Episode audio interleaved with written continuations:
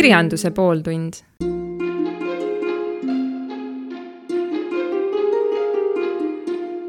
hea Põltsamaa raadio kirjanduspooltunni kuulaja. Heldur Lääne siin jätkab teise saatega sellel hooajal. meil on järjejutuks võetud lugu Ätid, aga nii nagu eelmises saates me rääkisime, et ma tahaks heietada ka veidikene enne järjeloo juurde minekut ma ikka olen natukene püüdnud ka neid kahte poolt omavahel kuidagi siduda, aga ega ma seda jälle ette ei ütle, nii nagu eelmine kord sai lubatud, kuulad üle ja kui hästi aru ei saanud, kuulad teist korda veel, meil on see võimalus. nii et läheme siis teise saate juurde. et täna tahaks rääkida hakatuseks kirjaniku palgast Eh, ega sellega nüüd midagi erilist ei ole, kui makstakse, siis makstakse ja hea ongi. hullem lugu oleks, kui hakataks midagi ära võtma. aga et minule jäi silma see, millise õhinaga see teema meedias käis nüüd, sest see oli alles hiljaaegu ju meil, kui uued kirjanikupalgad määrati et majanduspoliitikat silmas pidades ütlen kohe, et mina oma makstud makstude, maksude eest muret ei tunne minu maksude osa on selles maksurahas nii imeväike, et seda ma ei pea üldse oluliseks. ka ei makstaks mulle midagi tagasi, kui kirjaniku, kirjanikupalka ei oleks mul ei ole kunagi midagi tagasi makstud, kui riigi rahadega on kokkuhoidu tehtud. pigem on ikka teemaks, et äh, maksan kuidagi vähe ja, ja peaks makse tõstma, aga noh, see ei ole meie saate teema ma tean kirjutaja raha poolt, seda köögi poolt laias laastus no üpris hästi, sest ma olen ka iseennast kirjastanud ja, ja mitte ainult kirjutanud samas ma nüüd püüan rääkida sellest sellisel neutraalsel positsioonil, sest mina, kui ma hakkasin kirjutama ja kirjastama, siis ma võtsin algselt ette, et ma tahan läbi selle ainult kirjutada, aga mitte mingisugust majanduslikku tegevust ei toimeta. minul on noh, olnud elatis mujal juba algselt ja rahaliselt on siis minu jaoks see kõik nullprojekt kulud katavad tulusid ja sellega rohkem ambitsiooni ei ole. seni olen välja tulnud, aga veidi rehkendamist on ikka olnud, eh, sest ma ju kõigepealt ikka maksan ja alles siis vaatan, kuidas tagasi saan. ja laiemas laastus ka, et siia see koer maatud ongi, mitte ainult minul no et küllap te siis olete nõus, et paneme siis plussid ja miinused kokku ja asi mutt. Eh, just see, mis meil praegu laual ongi aga rääkima hakkasime ju sellest, et makstakse. ja sellega on nagu mingi probleem. ja et isegi kirjanikud on väljendanud, et rahul ei ole. ja et siis mille pärast?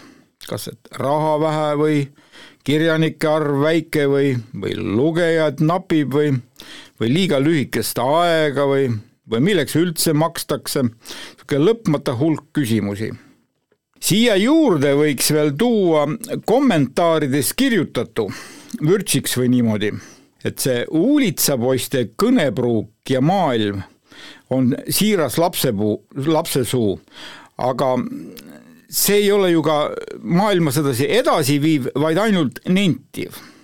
See on natuke sarnane meie traditsioonilisele ja populaarsele kaasamise tavale mis ei tea, et kaasamine on väga progressiivne, aga teadma peab, et kui kaasame ebakompetentsust, siis saame ebakompetentse tulemuse kompetentsust peaks vast kaasama, aga see pole ka võluvits.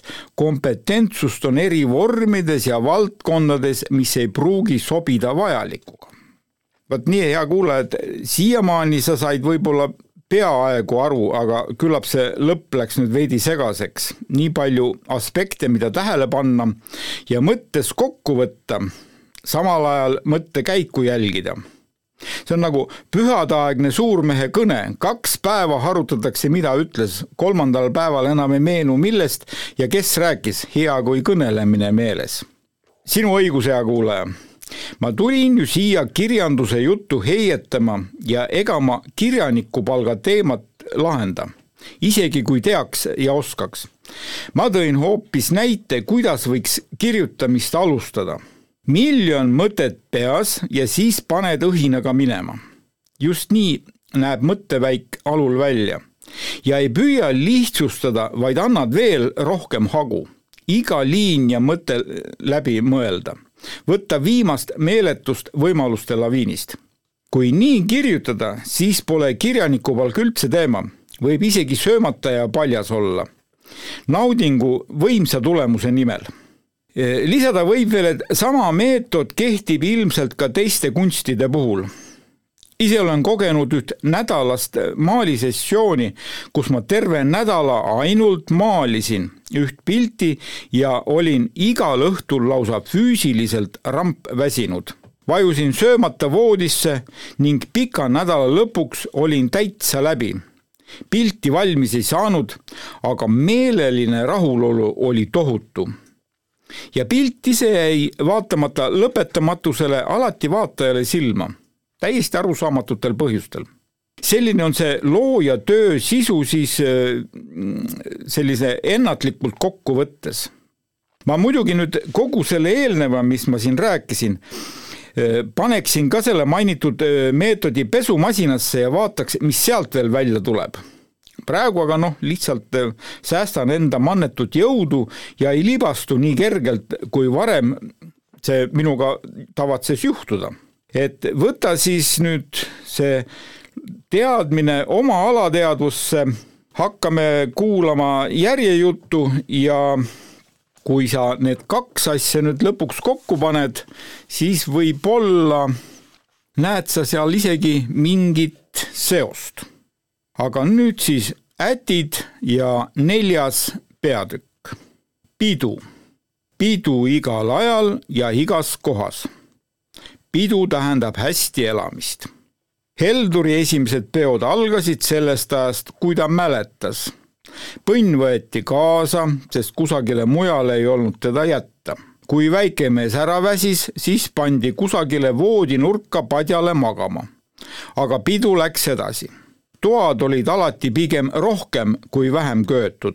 tubasid pidi kindlasti kütma ja peod olidki reeglina jahedal või siis hoopis talve ajal istuti laua ääres, kindlasti söögilaua ääres ja kui juba kiskus tantsuks, siis seda tehti koridoris. lärm oli suur, kõik rääkisid kõigiga ja kõigest häälest, et aru saadaks ja mõistetaks. söödi muidugi, söödi alati ja palju. söögid olid alati head söögid olid nii head, et sageli meenutati, mida söödi seal või teises kohas. mõni pidu jäigi söögi pärast meelde kohe alguses hakati laulma. lauldi alati kogu raadiorepertuaar lauldi ära, kõik vanad ja tuttavad laulud ja siis hakati kas või otsast peale, aga laulu ei jäetud. kas joodi, seda Heldur varasemast ei mäleta, kui siis koduõllekapp käis pidevalt ringi, aga kui ta juba ise laua taha koha sai, siis mäletab, et võeti kangemat kraami ka lastele ei antud. muidugi said lapsed kõik sedasama, mida täiskasvanud, ka koduõlut magama mindi sama, samuti kõik koos ja juba sellepärast, et pikapeole väsiti ühel ajal ära, aga ka sellepärast, et magama saigi minna üheskoos. sõna otseses mõttes pandi magamiseks mõeldud tuba ühest nurgast alates kuni ukseni asemeid täis ja heideti maha, isegi kempsu ei saanud minna. tuli surnuks ja hommikuni kui keegi jäi jorutama ja veel laulma, siis need to pidid tooni maha võtma ja magama pandi nad kas kohe ukse kõrvale või leiti mingi muu variant, näiteks laua alla, aga need olid ikka väga ammused ajad. Hoopis teisemaks muutusid peod, kui Heldur pidulikel sündmustel käima hakkas. esimesed kogemused olid õige petlikud lapsed pandi esinema ja pidu pidi nii pühalik olema, et ajas nutma, sõna otseses mõttes. kas sõnad meeles, kas sammud selges, kas suur rahvahulk saalis ei kohuta ära? Heldur oli piisavalt naiivne, et seda mitte alati tähele panna. temal oli hea meel, et katsumus läbi sai. kõik saab ükskord läbi ja pole hullu. selline arusaamine võttis võimust.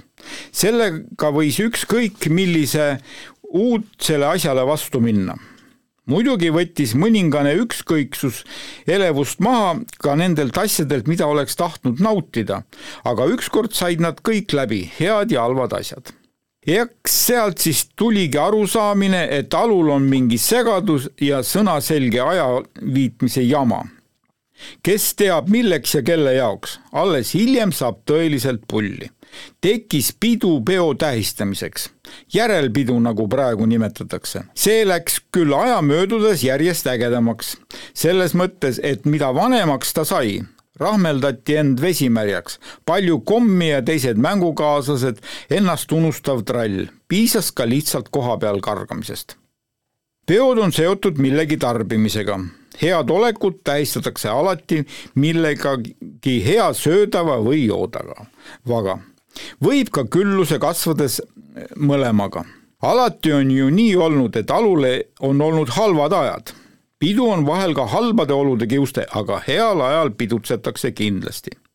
pigem me, nii me saamegi teada, millal on ajad nii palju pööranud, et heaks saanud häid aegu ei tohi ju ära sõnada, et nüüd käes, parem juba konkreetselt tegutseda ja kõigil selge esimene tõsine alkoholiga pidu oli Helduril siis, kui ta sõjaväkke pidi minema. see tähendab, et nii palju ei olnud ta kunagi varem joonud. kangema kraamiga oli ta tuttav ja maitsnud mitmelgi korral, aga erilist kiindumust ei tekkinud, pigem jättis ükskõikseks. samal oli ka suitsetamisega samas räägiti koolis ja lausa kooliprogrammis nii palju pidudest, et Heldur pidas mõõdukat pidudieeti ja igale poole ei läinudki. oli muudki huvitavamat, mis elevust tekitas ja meeleolu lakke lõi näiteks kunstiklassi õlivärvi lõhn ninas või keemiaringi kemikaalide värv, salapära ja reaktsioon, ka peale trenni tulnud rahulolu, saunast saadud rammestus, kõik need asjad olid ainult tema jaoks ja väga meelelised. Ema küpsetatud värsked soojad kaneelisaiad laupäeva õhtupoolikul värske kohviga televiisori ees näksida.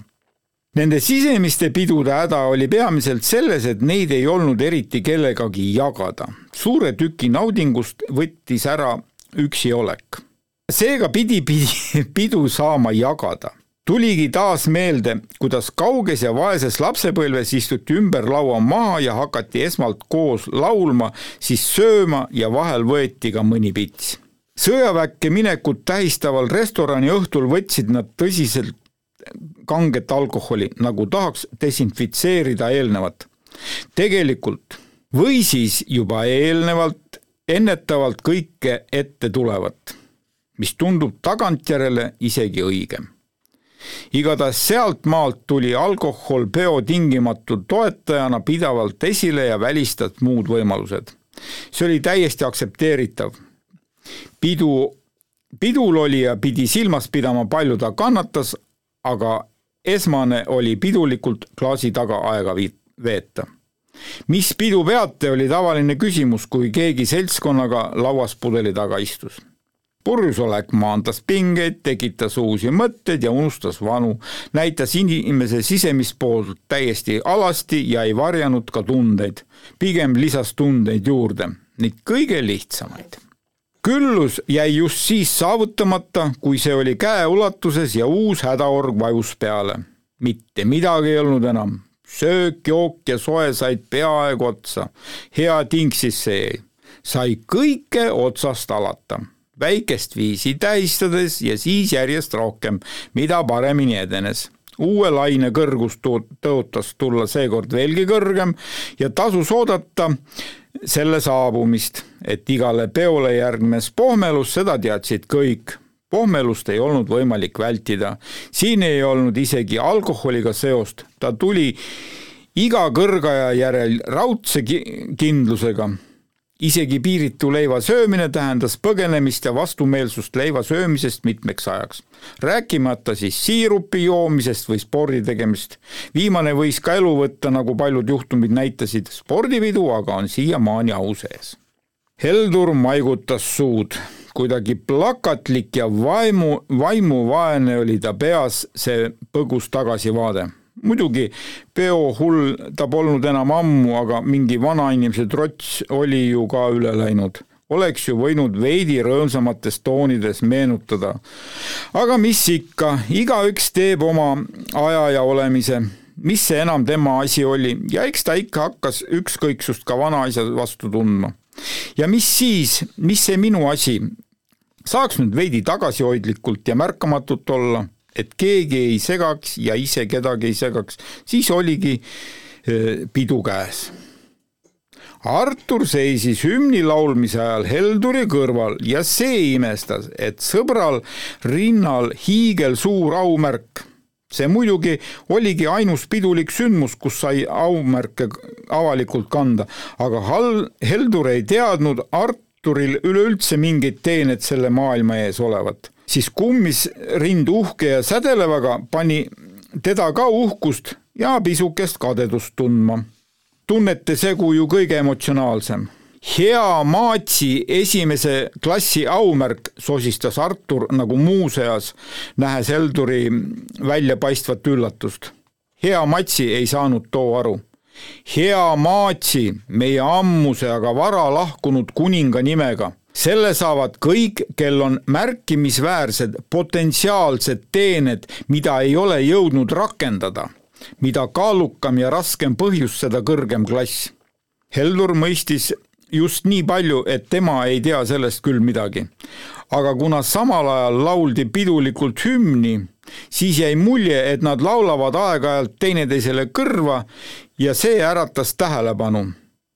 nii ei rõhutata hümni laulmist.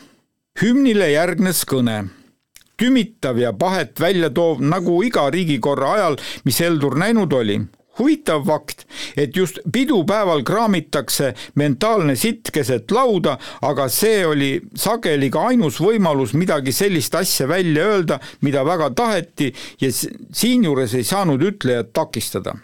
Äripäeval öeldi, et viisakas on nurga taga oksendada, aga pidupäeval võis ka kõige näes. lisaski peole ohjeldamatust lisaks.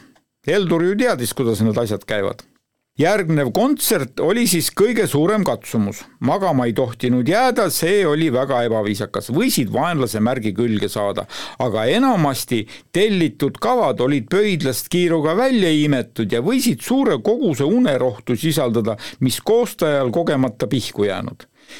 Esines ka erandeid ja seekord see vist ka nii oli. Heldur ei ei hakanud igav ja isegi suigatus ei ähvardanud. või oli see siis sellest, et vanemas eas on kohvil tugevam toime? saali pääsemise ooteaega lühendati kohviga ja Heldur ei saanud jätta demonstreerimata paari kohvi joomist. kui mõnigi eakaaslane keeldus kõrge vanuse tõttu kohutavast mürgist. no mis vanus see ka oli? Viimaks siis oli ka peo järelaeg käes see toimus Helduri mõnusas köögis ja tähendas ennekõike suurt hulka kodusoojust ja kõike vana ja tuttavlikku. see oli see kindel kalju, millel võis rühma, rihma lõdvaks lasta. pidulikke riideid ei visatud viimseni seljast, ainult pintsak võeti maha ja lips lasti lõdvemaks. laud oli ka pidulikum ja puhka, puhta linaga. lilled vaasis. küünlainimene Heldur enam ei olnud järelevalvete lahtine tuli ja nii edasi, seda trahverat-, trahveretset lauset ei tahtnud ta viimases järelhüüdes lugeda. üllatas muidugi Artur, kes ilmus välja hoopis mummulises punases kleidis. ta oli nii ülevoolav ja rõhutatult elev midagi naiselikku oli temas tõesti, Eldur oli varemgi tähele pannud, et ka kõige mehelikumale jändrikule andis erilise sarmi väike ports naiselikkust nagu ka tüdruku kerge poisilikkus oli kerge punkt tema atraktiivsusele. oleme ikka väga seotud ja sarnased, ometi tahame rõhutada erinevusi. või hoopis vastupidi, olemegi erinevad, aga mõni karkassi element toetamas on meil sama. nüüd vajus mõte väga teoreetiliseks ja viimasel ajal Heldur tahtis neid, nii võis rappa minna. üks kahest, kas hakkasid väga totakaid käike arutlema, nii et endalgi piinlik või siis vastupidi, ei märganudki, kui loll oled, aga juba järgisid seda ja esimese hooga latrasid, mis kole. hiljem püüdsid ka sõna teoks teha. piisas ka kellelegi helistamisest, et hiljem kibedust kahetseda. Heldur mõtles hirmuga, et kui ka see tähelepanemata hilisem eh, üle peaks minema, siis on nõdrameelne valmis.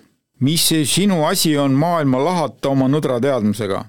oli ta ju sõna otseses mõttes lahanud seda sõpra, kes kenas kleidis temaga aega viitis ja ta teadis, mis sellest välja oli tulnud. kleit sobis Arturile suurepäraselt sarnast kiiksu oli ta varemgi esitanud ja alati eesmärgi saavutanud. ei olnud temas midagi loomuvastast, vastupidi, hoopis värskus ja mõnus turvatunne vaatasid vastu. Helduri mõnus olemine ja kergelt nostalgiline meenutuste otsimine sai kiire lõpu, kui Artur põrutas kui muuseas pensionitõus kui selline on ikka väga rumal samm. ennekõike peaks toetama noori peresid. Heldur oli muidugi päri, aga kuna temagi pension oli pigem kehvapoolne, siis midagi lisada ta ei tahtnud. aga Artur jahvatas edasi. elu on ikka väga ebaõiglane. siis, kui sul kõige rohkem vaja on, siis sa pead meeletult rabama, et üldse vee peal olla. paljudel käib see üle jõu kasvata siis veel lapsi ja teosta ennast. minu ajal muidugi oli veidi lihtsam, meil ei olnud vähemalt tööpuudust, lausa sunniti tööle ja sellega oli sul ka mõningane sissetulek tagatud, aga nüüd alates igasugu õppemaksudest kuni tõdemuseni, et kõik on meeletult kallis, see vajab toetamist. mis pensionäril viga? enam-vähem kõik olemas, alates riietest kuni söögi tegemise oskuseni reisida pole tal ka vaja ja seltsielu on lai. ainult pensionäridest need seltsid ja seltsingud koosnevadki. Mis veel, kõik poliitikute esinemised on pensionäridele, kõik kohtumised ükskõik mis kultuuritegelastega, isegi raadiosse helistavad valdavalt eakad, õnnesoovid ju ainult neile ongi kui midagi veel neil vaja võiks minna, siis eutanaasia seadus tuleks seadustada. ega midagi rohkem küll vaja ei oleks.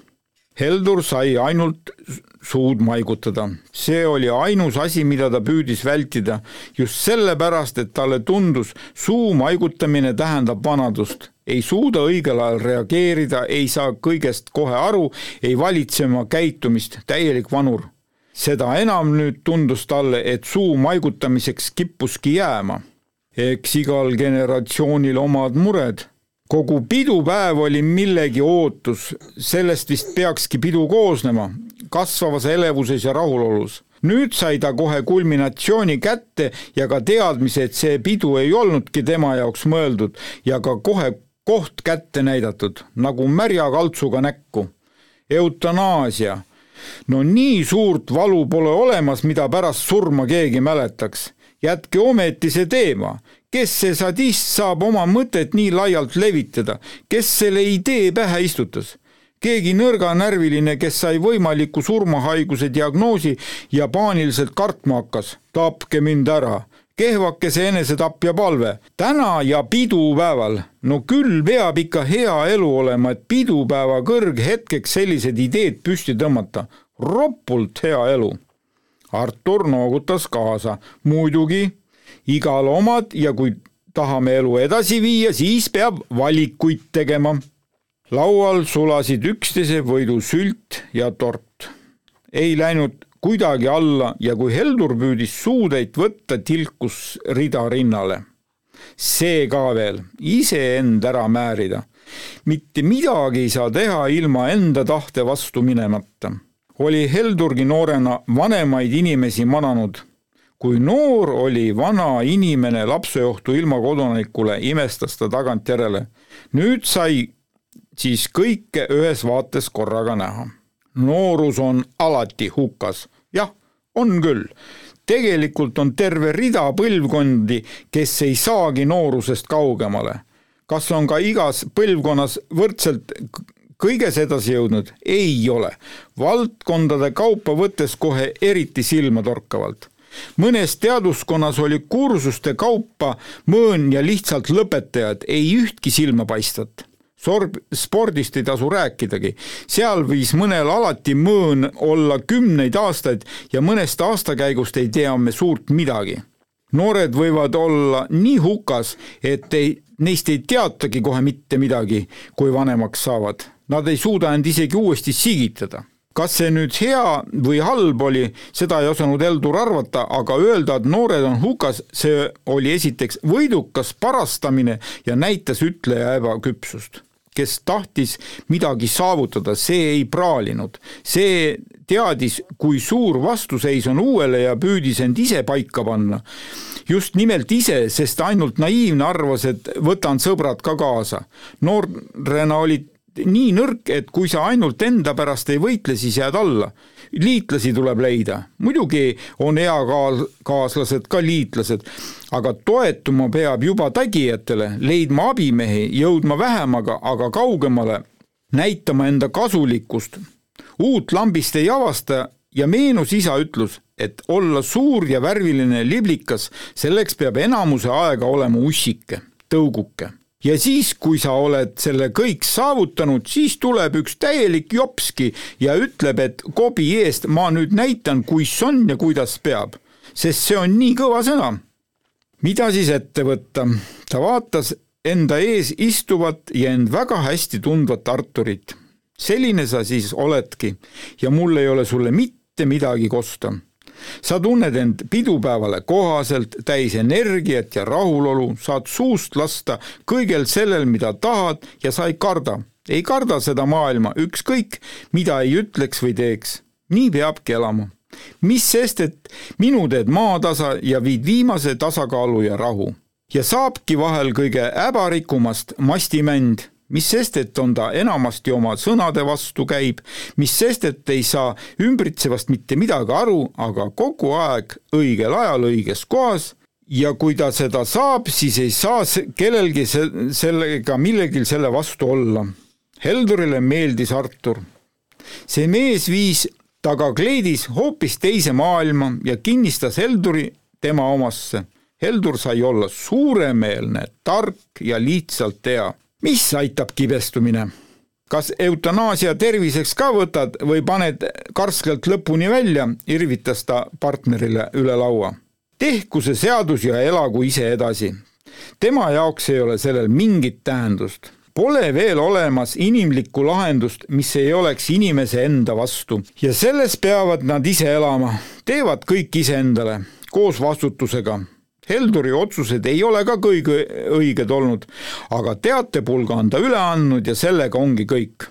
alati oled redeli alumine aste ja kord see viimane. redel jääb, kui pulkasid on ja astmed uuenevad, aga seda redelit ei pea ka olema, see on redeli enda asi, kas ta on või ei. Heldur andestas ja alastas kõigile, ikkagi pidupäev. viies peatükk ma olen meeleheitel, marssis Artur sisse kõrvaklappe kõrvadest välja õngitsedes. ja mis siis seekord lahti, oskas Eldur selle peale ise järjekordselt sügavas mõttes vastata. Nad varastasid minu aju ja vasak jalg on ka läinud. sa oledki õppevahend ja ilmselt läksid need ka õppevahendiks kusagile mujale, kus just vaja oli. ei, nii need asjad ei käi olen ma kes tahes, aga niimoodi ei võeta inimeselt aju ja jalga. kuhu jääb nüüd minu komplekssus? tulevad tudengid ja leiavad eest nagu koera näritud kondikubu, pooliku pea ja ilma jalata. kuidas nad siis saavad näha suuremat pilti inimkehast, kui sellest osa on puudu? millised õppejõud nii käituvad? ega need vast õpp-, polnudki õppejõud nemad teadsid, mis on puudu, laipadest on ju alailma puudus. Ja siis otsustas keegi administraator, et sinu rühmas on kõige vähem tudengeid, sinult võib võtta, sind ei saa millekski muuks ka enam eriti kasutada. isegi kondimaterjaliks sa vist eriti ei kõlba, poolik kolp ja mitte paaris jäsemeluud vaata, need administraatorid on juba üle saanud, et tegelevad laipadega, inimese maiste jäänustega. Nad võtavad sind kui täielikku õppevahendit, nagu seda plastmassist mulaaži. sealt siis ka ratsionaalne ja pragmaatiline mõtlemine vastavalt välja kujunenud olukorrale. oli kusagil aju vaja, siis sinult kui es-, esimeselt võimaluselt see võetigi kuhu üksikud jalga vajavad minna, seda ei oska kohe arvatagi. jalad käivad ikka alati paaris ja ega nad seda ometi kusagile siirdamiseks ka ei saanud kasutada, mueles Heldur. sellise monoloogi peale tuli ta siis oma sügavamõttelistest mõtlemistest välja. tegelikult püüdis ta hoopis tühjust peas kuidagi korraldada aga see ei õnnestunud kuidagi. hea, et Artur uut kütet juurde andis ja Heldur sai jälle millegi üle midagi arvutada, juurelda või hoopis midagi sellist asjalikku meenutada, mis just selle olukorraga sobis. võta rahulikult, võta kui paratamatut, selleks sa ju oledki loodud, pani Heldur elutargalt lõppu. ei võta, sosistas Artur ei ole me keegi õppevahendiks loodud, me oleme igaüks ainulaadne ja ainukordne looming, igaüks oma näo ja teoga. Kord aitab meid see, et oleme just selliseks loodud ja kord aitab meid just see, kuidas oleme elanud ja saanud sellest näojooned, ainulaadsed ja kordumatud nii sõnas kui teos, ajaloos, pidevas ringluses millegi poole ja millegi osa olles nüüd siis on see katki rebitud ja ma tahan ära surra. või tema tahab ühtäkki ära surra. ise ütlesid just, et oled millegi osa. Kas sa selle suure terviku käest oled küsinud luba ära surra või tahad ka seda oma allaandmisega hukutada? aga mis mul muud üle jääb, mind on tükkideks rebitud, mind ju ei ole enam minu arvates oled sa siin ja praegu. kui sa poleks oma puudustest deklareerinud, poleks ma seda isegi märganud. tema hakkab surema. ei saa sa surra ja ei suregi kusagile jääb sinust mingi jälg kuni su viimase keha aatomini maha, nagu need aatomid juba aja algusest on loodud. Neid ei pane mitte keegi kusagile olematusse. Ja su teod on kui tänase päevani ka tehtud, seega sinu järjepidevus, sinu mõju maailmale ei saa ka keegi ära võtta. olgu see nii tahes väike, kui sa arvad, see on olnud ja mitte ainult ei ela edasi, vaid on juba mõjutanud tulevist igas mõttes ja ilma sinu tahtmata. sinu asi on olla just nii suur mõjutaja edasi, kui suudad. ainukordne looming, jah, seda sa oled hämmastav kordumatus valitseb maailma, looming, looming, mida oleme ise ja mida teeme me ise kui juba näiteks paberrahal on väärtus, esimese hooga trüki ja paberi väärtus ja siis tema turu kokkuleppeline väärtus, siis igal muul asjal saab olla ainult väärtus. Igal pensionäri papile maalitud maalitükil, eh, mille nende naised sageli peale autori surma ahju viskavad, või siis iga koolilapse pillimängu katsetuse õhku kanduvad noodid.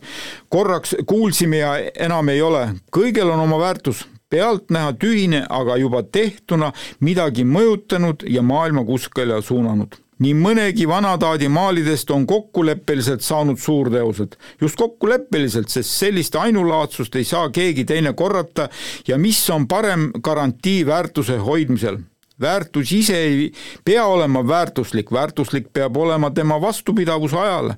paberrahal ju ei ole tegelikult mitte mingit väärtust materiaalses mõttes, aga kassas andes saad kui palju head selle eest meil ju ei ole isegi mitte midagi materiaalset esitada vaja, kui oleme kokku leppinud, et sinu käes on selline ja selline väärtus. siis on ka juhuslik noormehe kitarrisalvestus või videojupp tohutu väärtusega.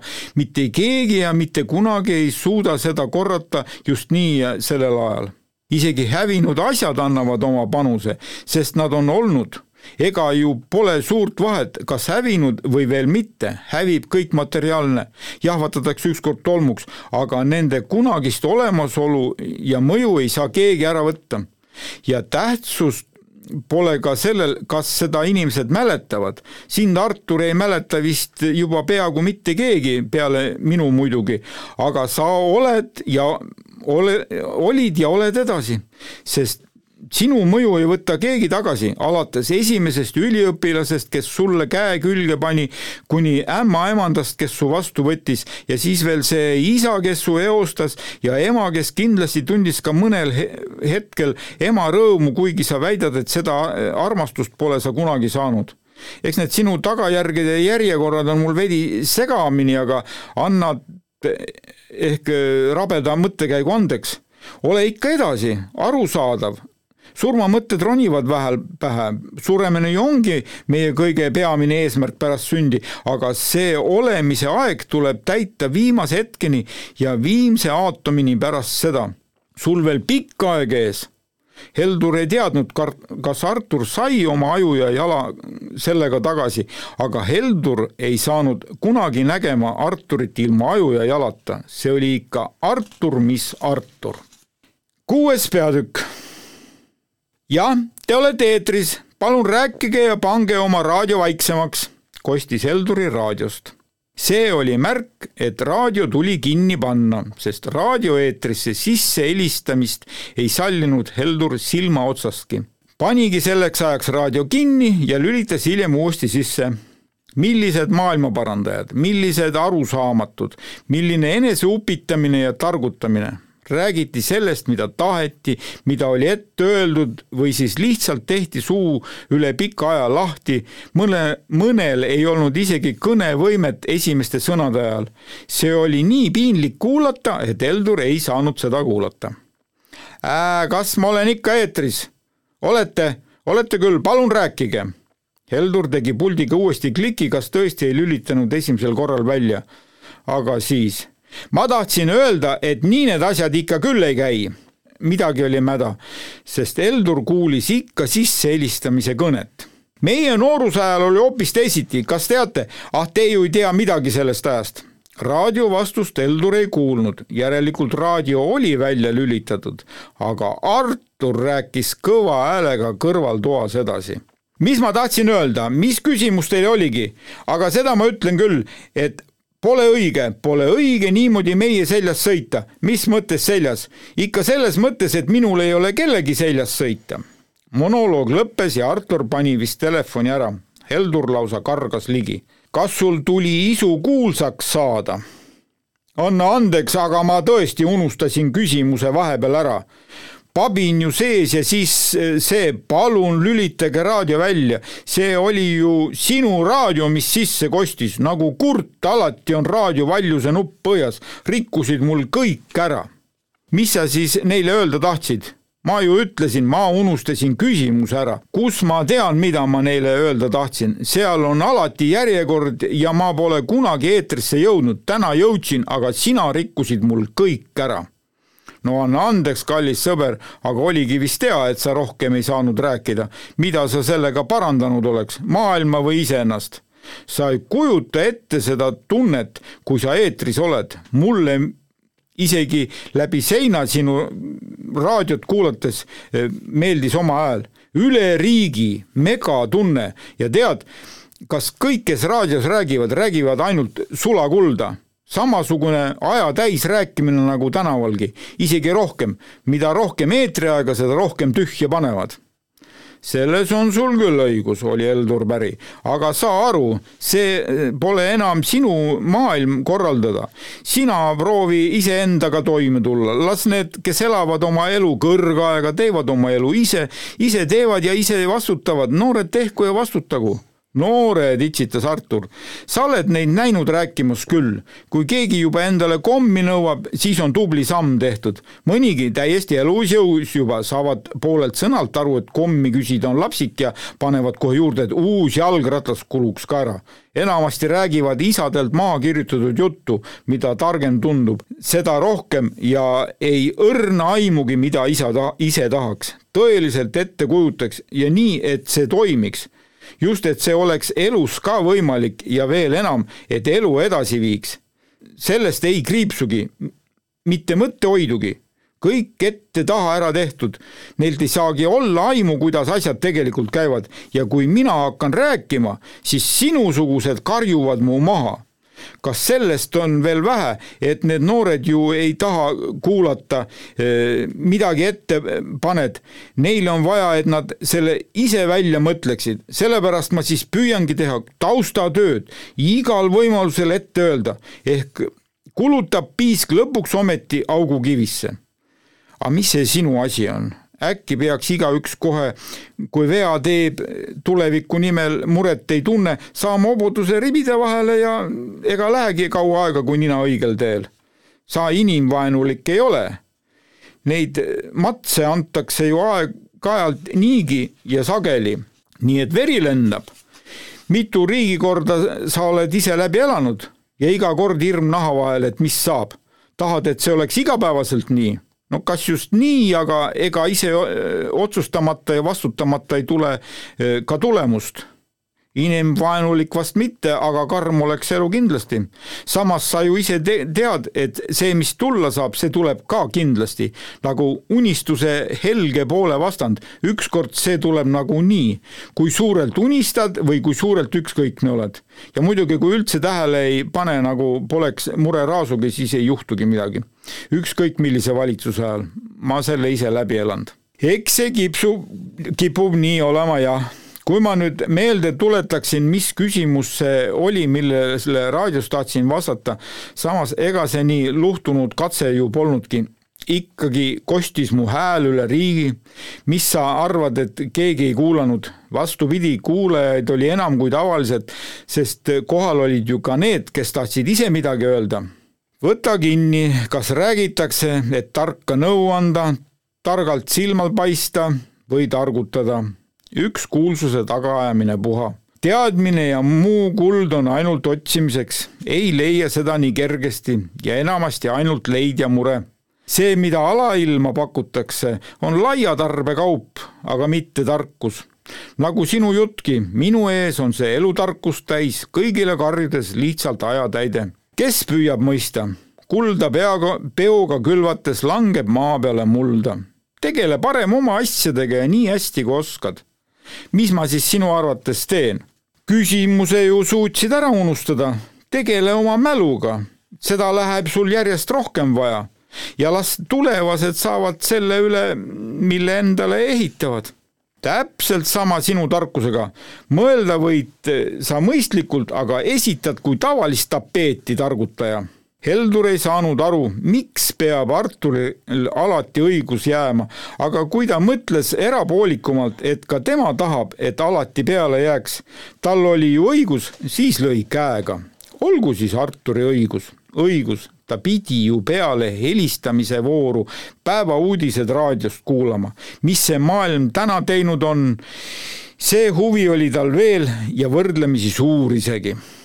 nii, aitäh, hea kuulaja jõudsime siis kuuenda peatüki lõpuni oma järjejutuga. järgmine kord hakkame jälle heietama ja vaatame, mis peatükke veel loeme. ega see raadiolugu nüüd siia viimasesse äh, teemasse ei olnud meelega toodud, see ikka mul juhtus, aga noh, elus juhtubki niimoodi, nagu juhtub. aitäh sulle, hea kuulaja ja järgmise korrani